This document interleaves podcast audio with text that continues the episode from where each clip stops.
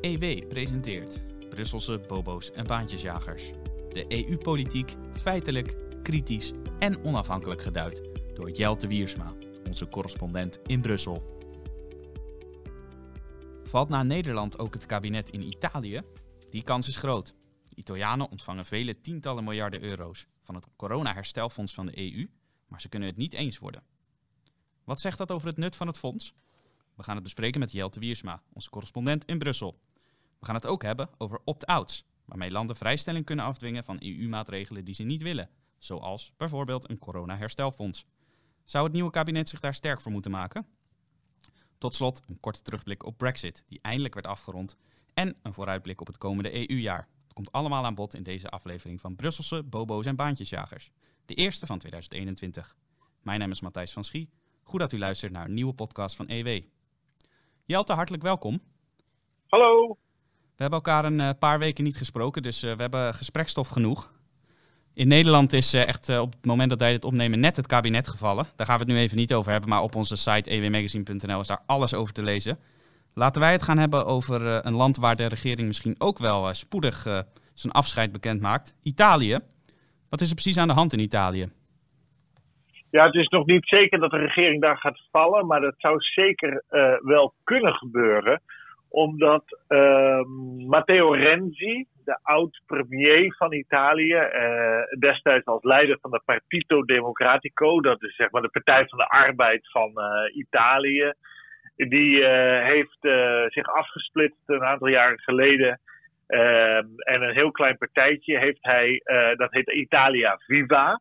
En dit Italia Viva, dat in de peilingen maar op 3% staat, dat le leverde twee ministers en een staatssecretaris en steun aan de regering van uh, Conte, de Italiaanse premier, uh, die een regeringscoalitie leidt uh, waarbij de belangrijkste twee poten zijn de Partito Democratico, maar nog belangrijker de grootste partij van Italië, de Vijf Sterren. En deze uh, meneer Conte is een onafhankelijke uh, die door de vijf sterren was aangezocht om uh, premier te worden in Italië. Hij is een Napolitaanse advocaat, hoogleraar, hele intelligente, charmante man. Voor het eerst in 40 jaar dat iemand uit Zuid-Italië trouwens premier is daar. Dat is niet onbelangrijk in de Italiaanse verhoudingen. Maar Matteo Renzi die heeft uh, ruzie gekregen met uh, meneer uh, Conte. En dat heeft alles te maken met het corona-herstelfonds. Het beroemde corona-herstelfonds van 750 miljard euro. waar in april afgelopen jaar de Franse president Emmanuel Macron mee kwam.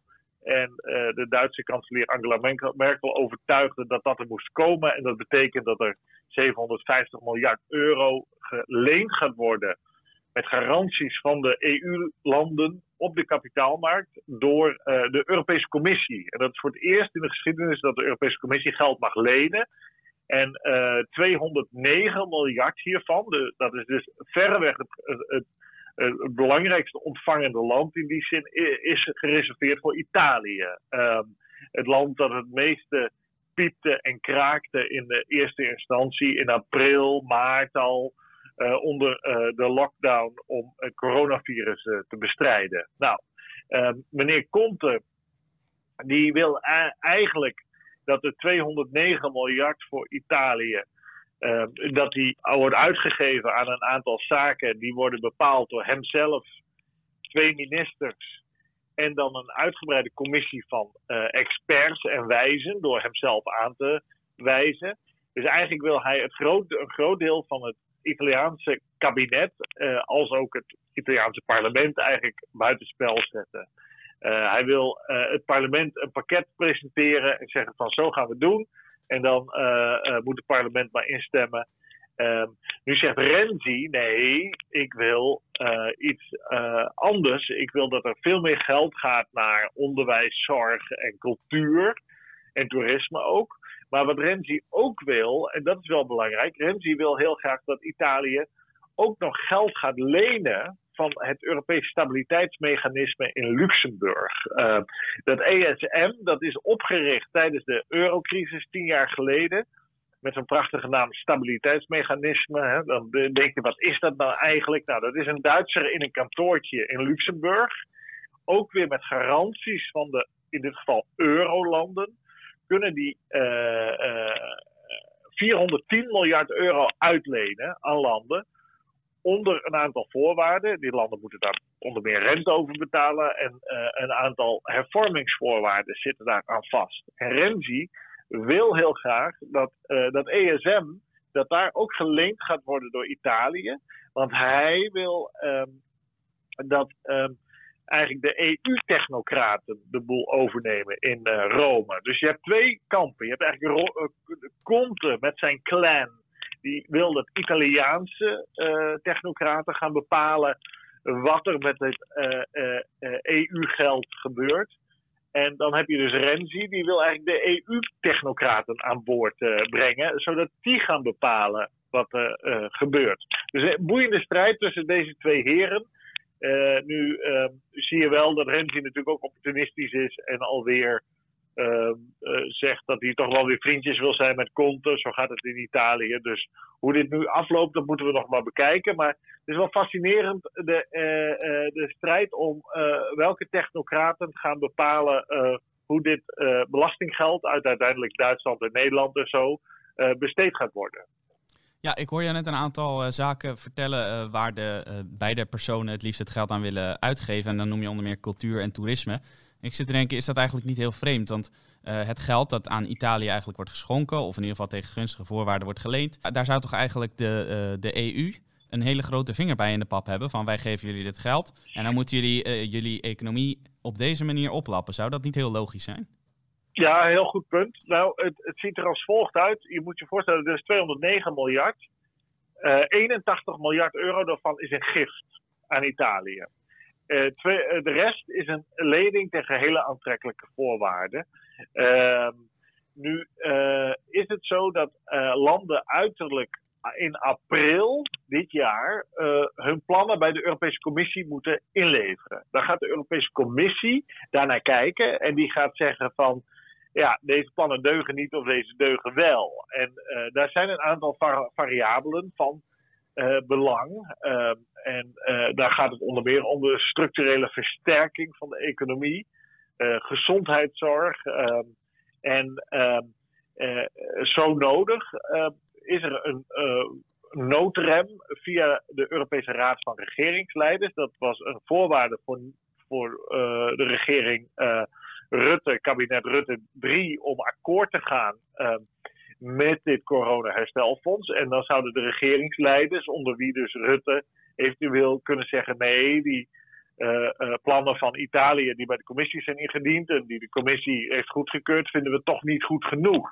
Nu is het wel zo dat je kan natuurlijk beargumenteren dat zeker in een land van, als Italië, waar heel veel toeristen komen, dat cultuur, uh, simpelweg de schoonheid van steden, musea, schilderijen in, in droge ruimtes kunnen uh, exposeren, dat dat al heel veel economische waarde heeft. Hè? Dus um, je kan er natuurlijk um, per land ook verschillend naar kijken in die zin wat hun grote inkomstenbronnen zijn. En we weten dat het natuurlijk in Italië dat toerisme een enorme inkomstenbron is. Dat geldt ook voor Spanje trouwens. En, en dat cultuur daar een, uh, uh, in Spanje minder natuurlijk. Dat is meer zon en strand. Maar Italië speelt cultuur een hele belangrijke rol voor, voor uh, toerisme. En daarmee is het economisch heel belangrijk. Dus je zou kunnen betogen dat dat wel degelijk werkt. Maar ja, het wordt ook uitgegeven aan. Als je kijkt naar wat, wat Conte in eerste instantie voorstelde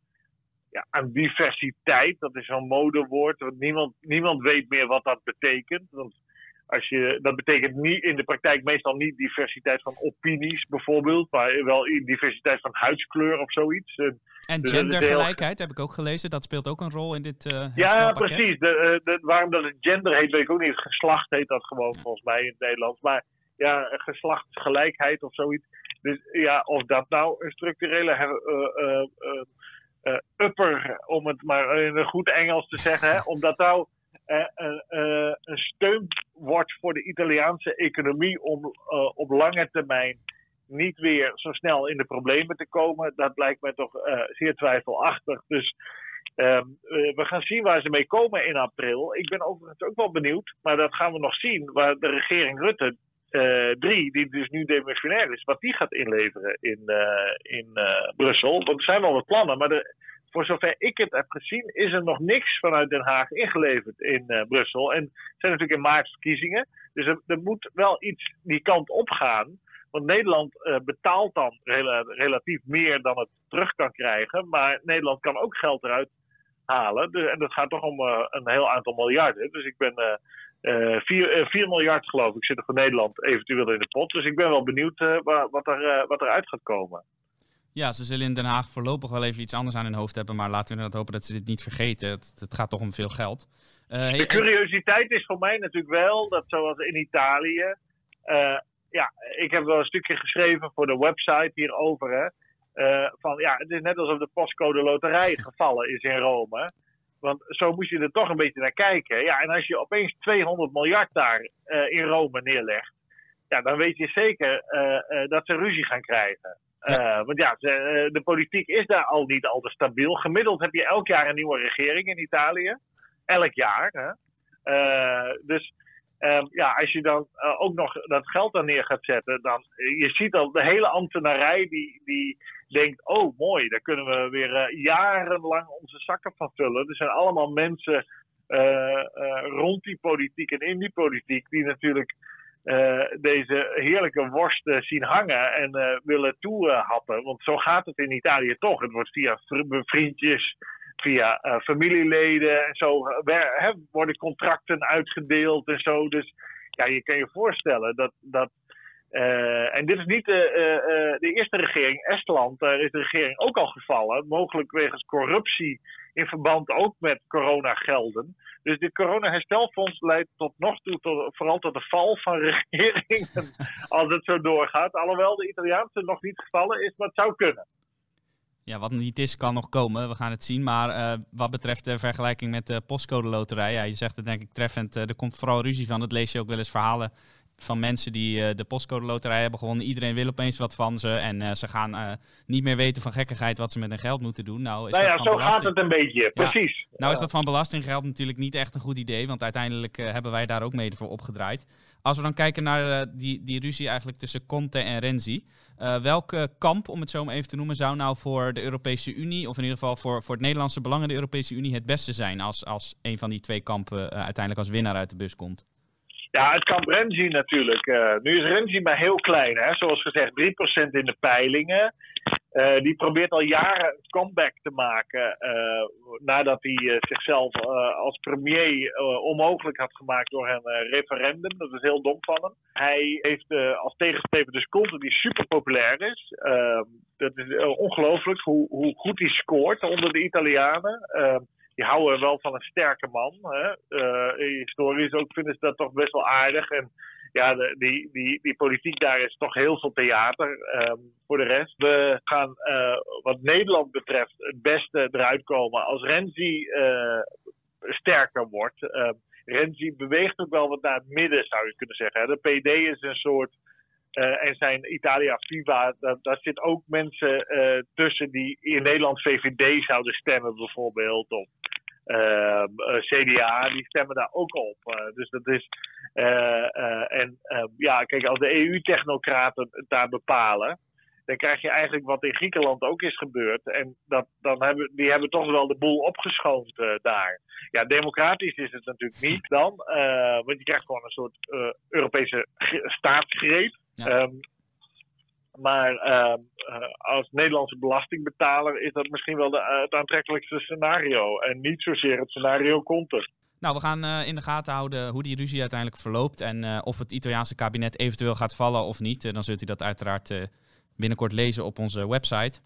Het zou wel ironisch zijn hè, als de Italiaanse regering valt door het corona-herstelfonds. Ja, ze zouden daar toch juist hartstikke blij mee moeten zijn.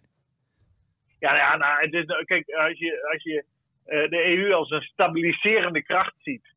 En dit soort fondsen ook als uh, stabiliserende kracht worden gepresenteerd aan ons als burgers. Zo van, we moeten Italië niet in de steek laten en Italië moet niet vallen. En als dan juist door zo'n fonds de regering valt, dan denk je, nou, dat, is, dat werkt niet echt stabiliserend allemaal. Dus uh, je moet er ook maar een beetje om lachen op deze wijze. Ja, het is best komisch inderdaad uh, allemaal. Wat, wat minder komisch is natuurlijk, uh, is dat dit corona-herstelfonds uh, Nederland vrij veel geld kost. En uh, zoals we ook in deze podcast vaak hebben besproken, is dat onder de Nederlandse burgers en ook in de Tweede Kamer de steun niet heel groot was. Nederland uiteindelijk toch akkoord ermee is gegaan. En om in de toekomst nou zoiets te voorkomen, om zo'n impopulaire maatregel tegen te houden, is een opt-out. Adriaan Schout van het Buitenlandse Instituut Klingendaal schreef in september in EW dat Nederland serieus moet gaan nadenken over opt-outs. En uh, via CDA uh, Pieter Omtzigt uh, kwam deze optie ook echt op tafel in Den Haag. Denk jij dat het nieuwe kabinet daar werk van zou moeten maken, van die opt-out regeling? Ja, wat mij betreft wel. Kijk, je moet je zo voorstellen, inderdaad, Adriaan Schout schreef dat stuk bij ons. En um, nu is dit al een stokpaardje in Elsevier vele jaren overigens hoor. en Omtzigt heeft daar vragen over gesteld. En heeft het kabinet bij monden van Rutte en, en uh, Hoekstra, uh, de minister-president en minister van Financiën, beloofd om met een commissie te komen. Nou, die commissie is benoemd nu. Uh, wordt voorgezeten door Roel Beetsma, hoogleraar te Amsterdam. weet veel van pensioenen onder meer. ze weet ook veel over economisch-monetair beleid. Ehm, en uh, er zitten een aantal uh, bekende namen in. Hans van Balen, uh, oud Tweede Kamerlid VVD en oud Europarlementariër Barbara Baarsma, de directeur of bestuursvoorzitter van de Rabobank Amsterdam. Ehm, Lex Hoogduin natuurlijk, de beroemde hoogleraar uit Groningen. Zo. Dus er zitten een aantal bekende namen in. deze commissie. En die moeten uiteindelijk 1 eh, juli, niet later dan 1 juli, een advies uitbrengen aan de regering over het Europees economisch beleid. Dat is eigenlijk uh, uh, hoe dat geformuleerd is door de regering. Dus die hebben het wat breder getrokken dan alleen die opt-outs. Maar ehm, wat het doel natuurlijk van Schout is en het doel ook van Omtzigt is dat ehm, een volgende regering na de verkiezingen, Tweede Kamerverkiezingen van maart, uh, als serieuze optie in ieder geval opneemt dat uh, Nederland niet meer altijd meedoet aan alle EU-integratie. Je moet je voorstellen, Nederland zit overal in. Echt overal. Nederland doet aan alles mee. Uh, de, de, de euro, aan Schengen, aan allemaal zaken waar een aantal andere landen, die bijvoorbeeld Ehm, ook in de EU zitten, niet aan meedoen. Dan Welke moet je landen denken, bijvoorbeeld? nou ja, Zweden bijvoorbeeld doet niet mee aan de uh, euro. Uh, Denemarken doet niet mee aan de euro. Maar er zijn ook een aantal landen zoals Ierland die buiten Schengen uh, staan, die daar niet aan meedoen. En er zijn bijvoorbeeld landen die niet EU-lid zijn, die dan wel weer aan Schengen meedoen, zoals Noorwegen en, en Zwitserland. Dus je, je hebt een, het is een melange, maar Nederland zit bij alles. Ja. Samen met Duitsland, België, Luxemburg, Frankrijk en Italië, zeg maar de klassieke EU-landen, eh, e de oprichters, maar plus een aantal andere, doet Nederland aan alles mee. Uh, dat is nog aangekomen met Spanje en eh, Portugal. jij zegt dus eigenlijk, als je die opt-outs nou hebt, dan kun je meer een soort à la carte kijken, wat wil ik wel van die EU en wat niet. Ja, dat kan de regering sowieso, daar hebben ze geen commissie voor nodig om ze dat te vertellen. Maar uh, dat kan misschien in, het, in, in de discussie in Den Haag wat gewicht geven. De angst in Den Haag, dat is ook heel erg een reflex van het ministerie van uh, Buitenlandse Zaken vooral en de ambtenarij en de denktanks die daaromheen hangen. Dat als wij niet meedoen, uh, dat de, uh, dan over ons besloten wordt en niet met ons. Nou, de Denen die hebben bijvoorbeeld op de ouds bedongen toen in 91 in Maastricht het beroemde verdrag van Maastricht is getekend. Die zeiden, nou wij, wij doen een op de oud, wij willen niet gedwongen worden aan de euro mee te doen. En op justitie en binnenlandse zaken doen zij ook niet mee. Dus uh, zij uh, hebben dus formeel laten vastleggen. Wij houden ons nationale soevereiniteit op uh, monetair gebied en op justitie- en binnenlandse zaken gebied. Nou, dat, Nederland heeft dat nooit gedaan.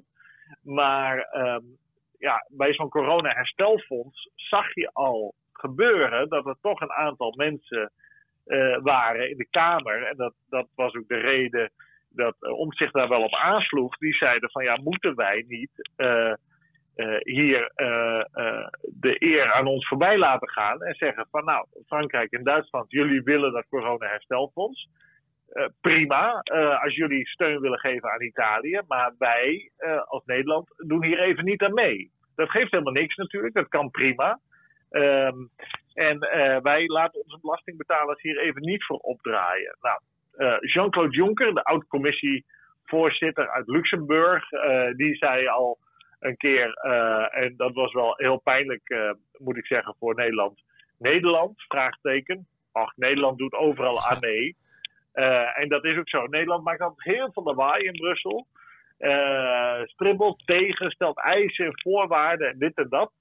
Uh, maar uiteindelijk gaat, gaat, Nederland toch akkoord met de principes die uh, door Frankrijk en uh, Duitsland geformuleerd zijn. En ja, al die voorwaarden die Nederland dan altijd eist, daar komt er in de praktijk nooit wat van. Dus in die, zin, ja, in die zin is wat jij net zei van Nederland vreest dat er over ons wordt beslist en niet met ons, is eigenlijk al gewoon staande praktijk. Er wordt eigenlijk altijd ja, exact, over ons exact, beslist. Exact. Ja. En een land als Denemarken heeft dat veel beter in de gaten die snappen ook dat ze klein zijn en dat je als klein land altijd speelbal bent van de groteren.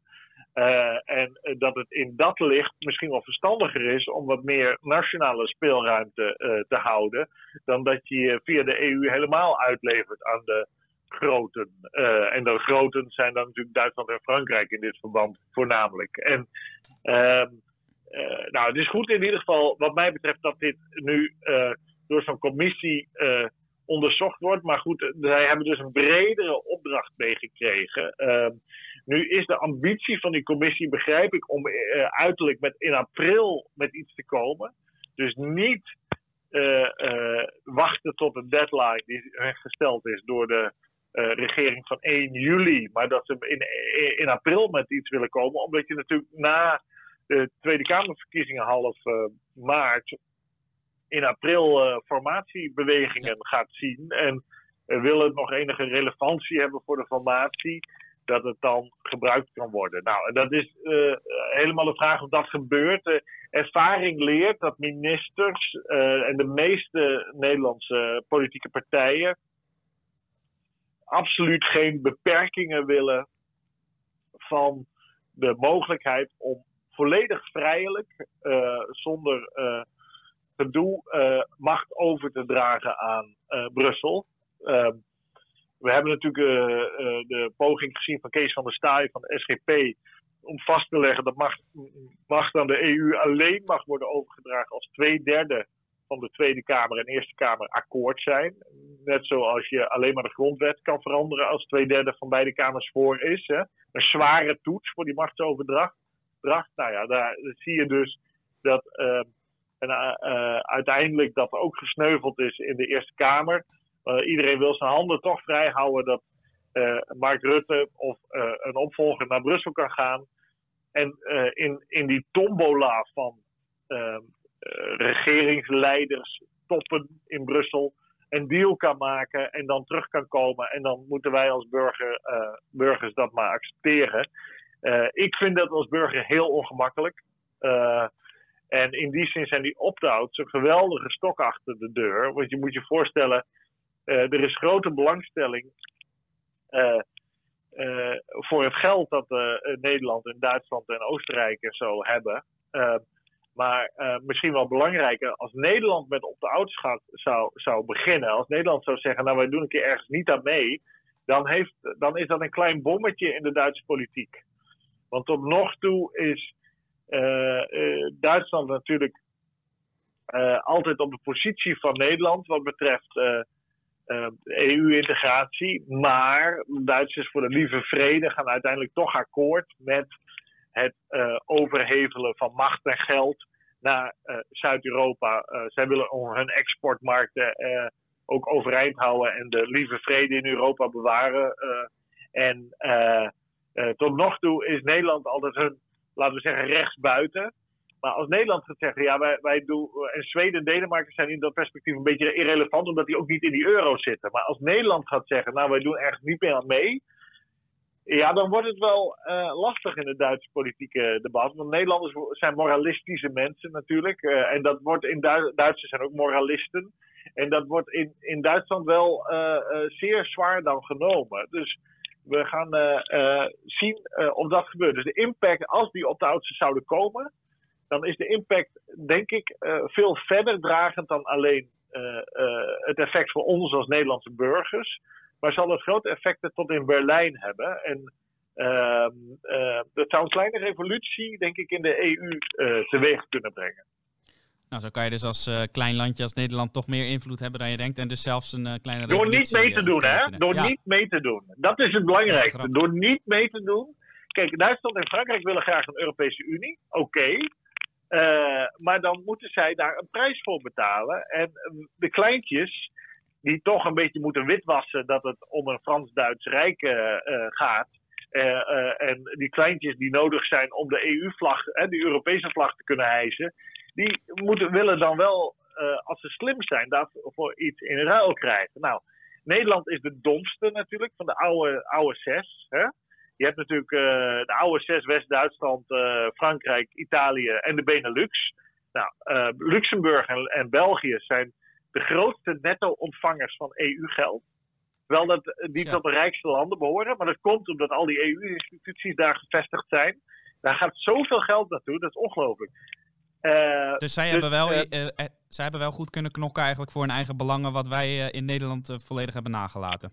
Van de drie kleintjes van het begin, de Benelux-landen, uh, zijn er twee netto-ontvanger en één Nederland netto-betaler. Nou, dan kan je wel uitrekenen waar de suffers wonen hè, in dat verband. Uh, zeg dat wel. wij, denken, wij denken vaak dat we heel slim zijn, maar de Belgen en de Luxemburgers die zijn toch wel een beetje slimmer dan onze politieke klasse in Den Haag, wat dat betreft. Nou, laten we dan hopen inderdaad uh, dat het uh, verstand uh, wat meer komt. En dat er inderdaad de mogelijkheid tot de opt-outs in ieder geval serieus wordt overwogen door een kabinet dat na de verkiezingen gaat komen. Dus nog even geduld.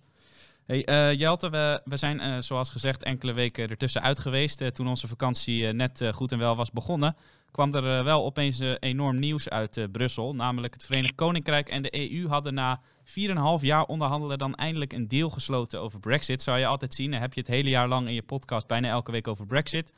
En dan wordt eindelijk de knoop doorgehakt en dan ben je er even niet. Daarom uh, nu even kort over hebben. Ho, Ik was er wel, hè. Ik was er wel. Ik heb keurig uh, in mijn Ja, ik bedoel in de podcast. ik bedoel in de podcast, stuk geschreven voor de website. Oké, okay, sorry, sorry. nee, dat gaat puur over de podcast. Jij hebt daar keurig verslag van gedaan. Maar voor de luisteraars die het stuk niet hebben gelezen op de site is natuurlijk goed om nog eventjes kort jou, jouw visie op die, uh, die deal hier uit de doeken te doen. Hoe kijk je er nou tegenaan? Is het uiteindelijk een goede deal voor beide partijen? Ja, dat denk ik wel. Kijk, het is goed dat er een uh, overeenkomst is uh, tussen beide. Ehm, in ieder geval voor de korte termijn. Ehm, op lange termijn zouden andere akkoorden misschien wel met een grotere afstand door het Verenigd Koninkrijk van de EU wel beter zijn hoor. Dat zou kunnen. Um, wat in ieder geval van groot belang is, dat het Boris, Boris Johnson, de Britse premier van de Conservatieve Partij, is gelukt om zijn land weer echt een soevereine natie te maken. En dat is toch een prestatie van formaat. Dat moeten we niet onderschatten. Er wordt heel erg meewarig gereageerd op het continent, uh, op Johnson vaak, op het Verenigd Koninkrijk in bredere zin. Er wordt dan altijd gezegd, die Britten en zo, uh, eh, alsof dat idioten zijn. Terwijl verreweg uh, het beste denkwerk over de Europese Unie, academisch en anderszins, komt uit het Verenigd Koninkrijk. En ook uit de Verenigde Staten trouwens. En niet uit uh, uh, de EU-landen. dus dat moeten we wel even neer, neerzetten hier.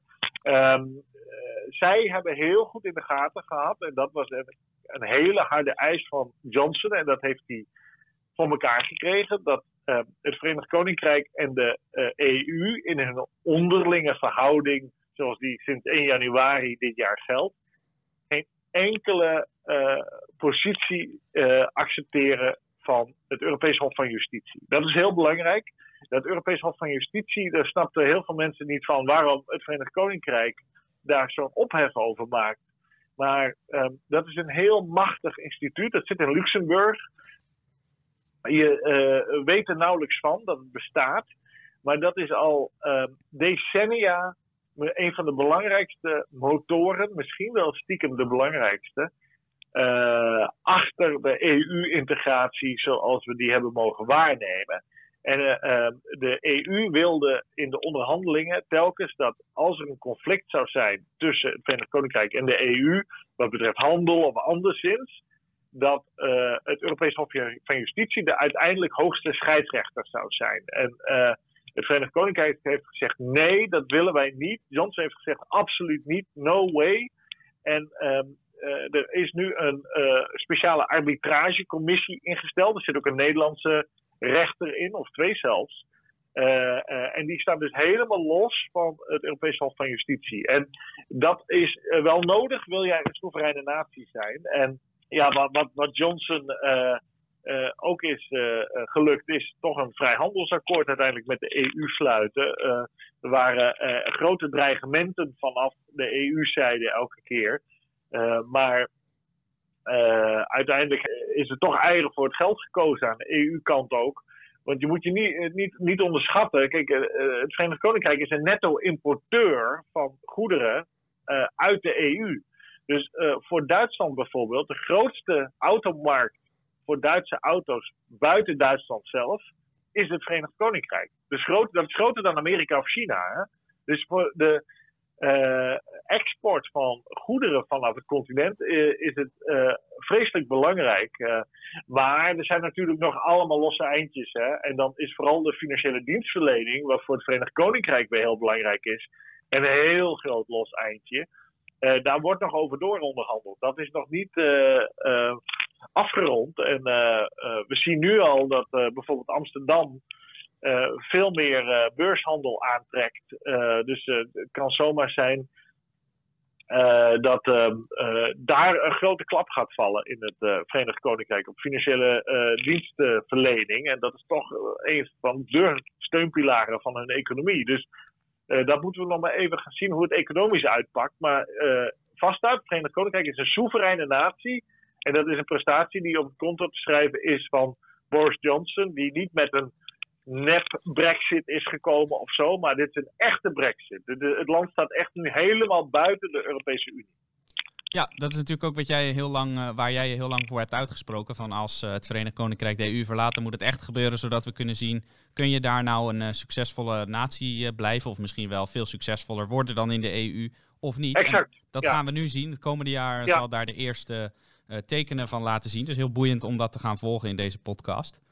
We hebben het nu eigenlijk gehad over het belangrijkste gedeelte dat achter ons ligt. Laten we nou nog even vooruitblikken, want wij als EW brengen ieder jaar een vooruitbliknummer uit. En jij hebt daar ook je bijdrage aan geleverd op 1 januari, namelijk de vooruitblik op het gebied van de EU. Wat kunnen we allemaal verwachten vanuit Brussel of in de EU, waar we nou op moeten gaan letten het komende jaar? Nou, verreweg het belangrijkste zijn natuurlijk de Bondsdagsverkiezingen in Duitsland. Uh, het Duitse parlement wordt daar gekozen en dat eh, zal in september plaatsvinden. En dat betekent het einde van 18 jaar, nee, sorry, excuus, 16 jaar Angela Merkel als bondskanselier. Zij is in 2005 aangetreden. Ehm, en dat is toch wel een seismische verschuiving in de Europese Unie. Dat Merkel weggaat. Uh, we gaan zien wie haar opvolgt. Er zijn een heel aantal mogelijkheden. het lijkt erop dat het een van de vier wordt. en dan gaat het om Markus Söder, dat is de minister-president van Beieren, die de CSU leidt de zusterpartij van de CDU. En Söder is een protestantse. Uh, dat is wel opmerkelijk. Geen katholiek. Dus een, toch 20, 25 procent van de bijer is protestant. Maar het is natuurlijk veel bekender als een echt het katholieke deel. Net zoals Oostenrijk, zeg maar. en Merkel is al erg met hem aan het flirten geslagen. Nadat binnen de CDU, haar partij uh, haar uh, favoriet, Annegreet Kramp-Karrenbauer, uh, de minister van Defensie, is geliquideerd door de conservatieve vleugel van de CDU. Nou, die conservatieve vleugel die heeft nieuwe hoop dat Friedrich Merz, dus een advocaat, een jurist, lobby, lobbyist vooral, die twintig jaar geleden ook al in de Duitse politiek zat, maar er is uitgegaan wegens Merkel onder meer. Deze Merz uh, is uh, de favoriet van de conservatieve vleugel. Hij verloor eerder de verkiezingen tegenover Kramp Karrenbauer voor het voorzitterschap van de CDU. nipt overigens. nou ja, we hebben dan nog naast Merz Armin Laschet, dat is de minister-president van Noord-Rijn-Westfalen, onze buur, onze buur uh, bondsland met 17 miljoen mensen. Uh, natuurlijk uh, Keulen en, en, andere beroemde steden vlak over de grens. Um, en dan is er nog een, een derde speler die, die overigens minder kans heeft hoor. Er wordt gedacht dat Laschet, Merz of Söder, dat een van die drie het wel eens zou kunnen worden. En aangezien CDU-CSU, die combinatie ver voor staat in de peilingen in Duitsland, uh, lijkt het erop dat die toch weer de nieuwe kanselier gaan leveren. Maar je weet niet wat er gebeurt. Er wordt al volop gespeculeerd dat je een CDU-groenen FDP-coalitie zou kunnen krijgen in Duitsland. Dus groenen, liberalen en christendemocraten. dat, en dat de SPD eruit gaat. En ja, dan krijg je een, een groene politiek vanuit Duitsland, economisch liberaal en pro-EU-integratie. Dat zal je dan toch gaan zien. Maar we gaan zien of, ja, hoe dat uitpakt. En dan natuurlijk de Nederlandse Tweede Kamerverkiezingen zijn een belangrijk punt. want uiteindelijk zijn de nationale regeringen en de EU toch het belangrijkste. En dan heb je natuurlijk de Green Deal. Hè daar wilde je vast. Uh, Precies, ik, je had het over groen beleid in Duitsland. Ik dacht, laat ik het bruggetje maken naar de Green Deal. Maar jij neemt mij dat werk alweer uit handen. Ja, dat is makkelijk. Ja. Daar hoef je niks meer voor te doen, joh. Dat, uh, uh, de Green Deal, de, ja, verstandig, hè. de Green Deal op, vrij, op vrijdagmiddag, die kan je aan mij overlaten, hoor. Nee, die Green Deal, zonder gekkigheid, is het grote project, of een van de grote projecten van de Europese Commissie onder leiding van de Duitse Ursula von der Leyen. Maar de leider van dit project is uh, haar eerste uitvoerende vicepresident uh, Frans Timmermans. P van de A, natuurlijk oud-minister van Buitenlandse Zaken onder meer. En zijn rechterhand Diederik Samson, de oud-P van de A-leider. Nou, deze twee Nederlandse socialisten, sociaaldemocraten, die willen graag dat er allerlei nieuwe regels en wetten komen. En deels gebeurt dat ook al vanuit Brussel. om, ja, om Europa groen te maken. Nou, ze bedoelen natuurlijk niet groen eigenlijk, want Europa is al heel groen. En hoe meer CO2 in de lucht gaat, hoe groener de wereld wordt. Begrijp ik van de wetenschappers. Dus ze bedoelen, ze bedoelen, het is ook een verkeerde woord natuurlijk weer. En het is ook geen deal natuurlijk, want Donald Trump als zakenman maakt deals. Maar het is een, uh, meer een soort compromis of een ambitie of zoiets. Of, maar dat is een grote kwestie waar, waar ze miljarden euro's aan willen hangen. Er wordt nog gesproken over 2000 miljard euro. Ehm, nou, dat wordt allemaal wel een beetje met hele natte vingers opgerekend hoe dat, of opgeteld hoe dat allemaal berekend wordt. Dat zou dan gaan uit een paar miljard aan gelden uit de commissiebegroting, uh, Europese investeringsbank en nog een aantal fondsen.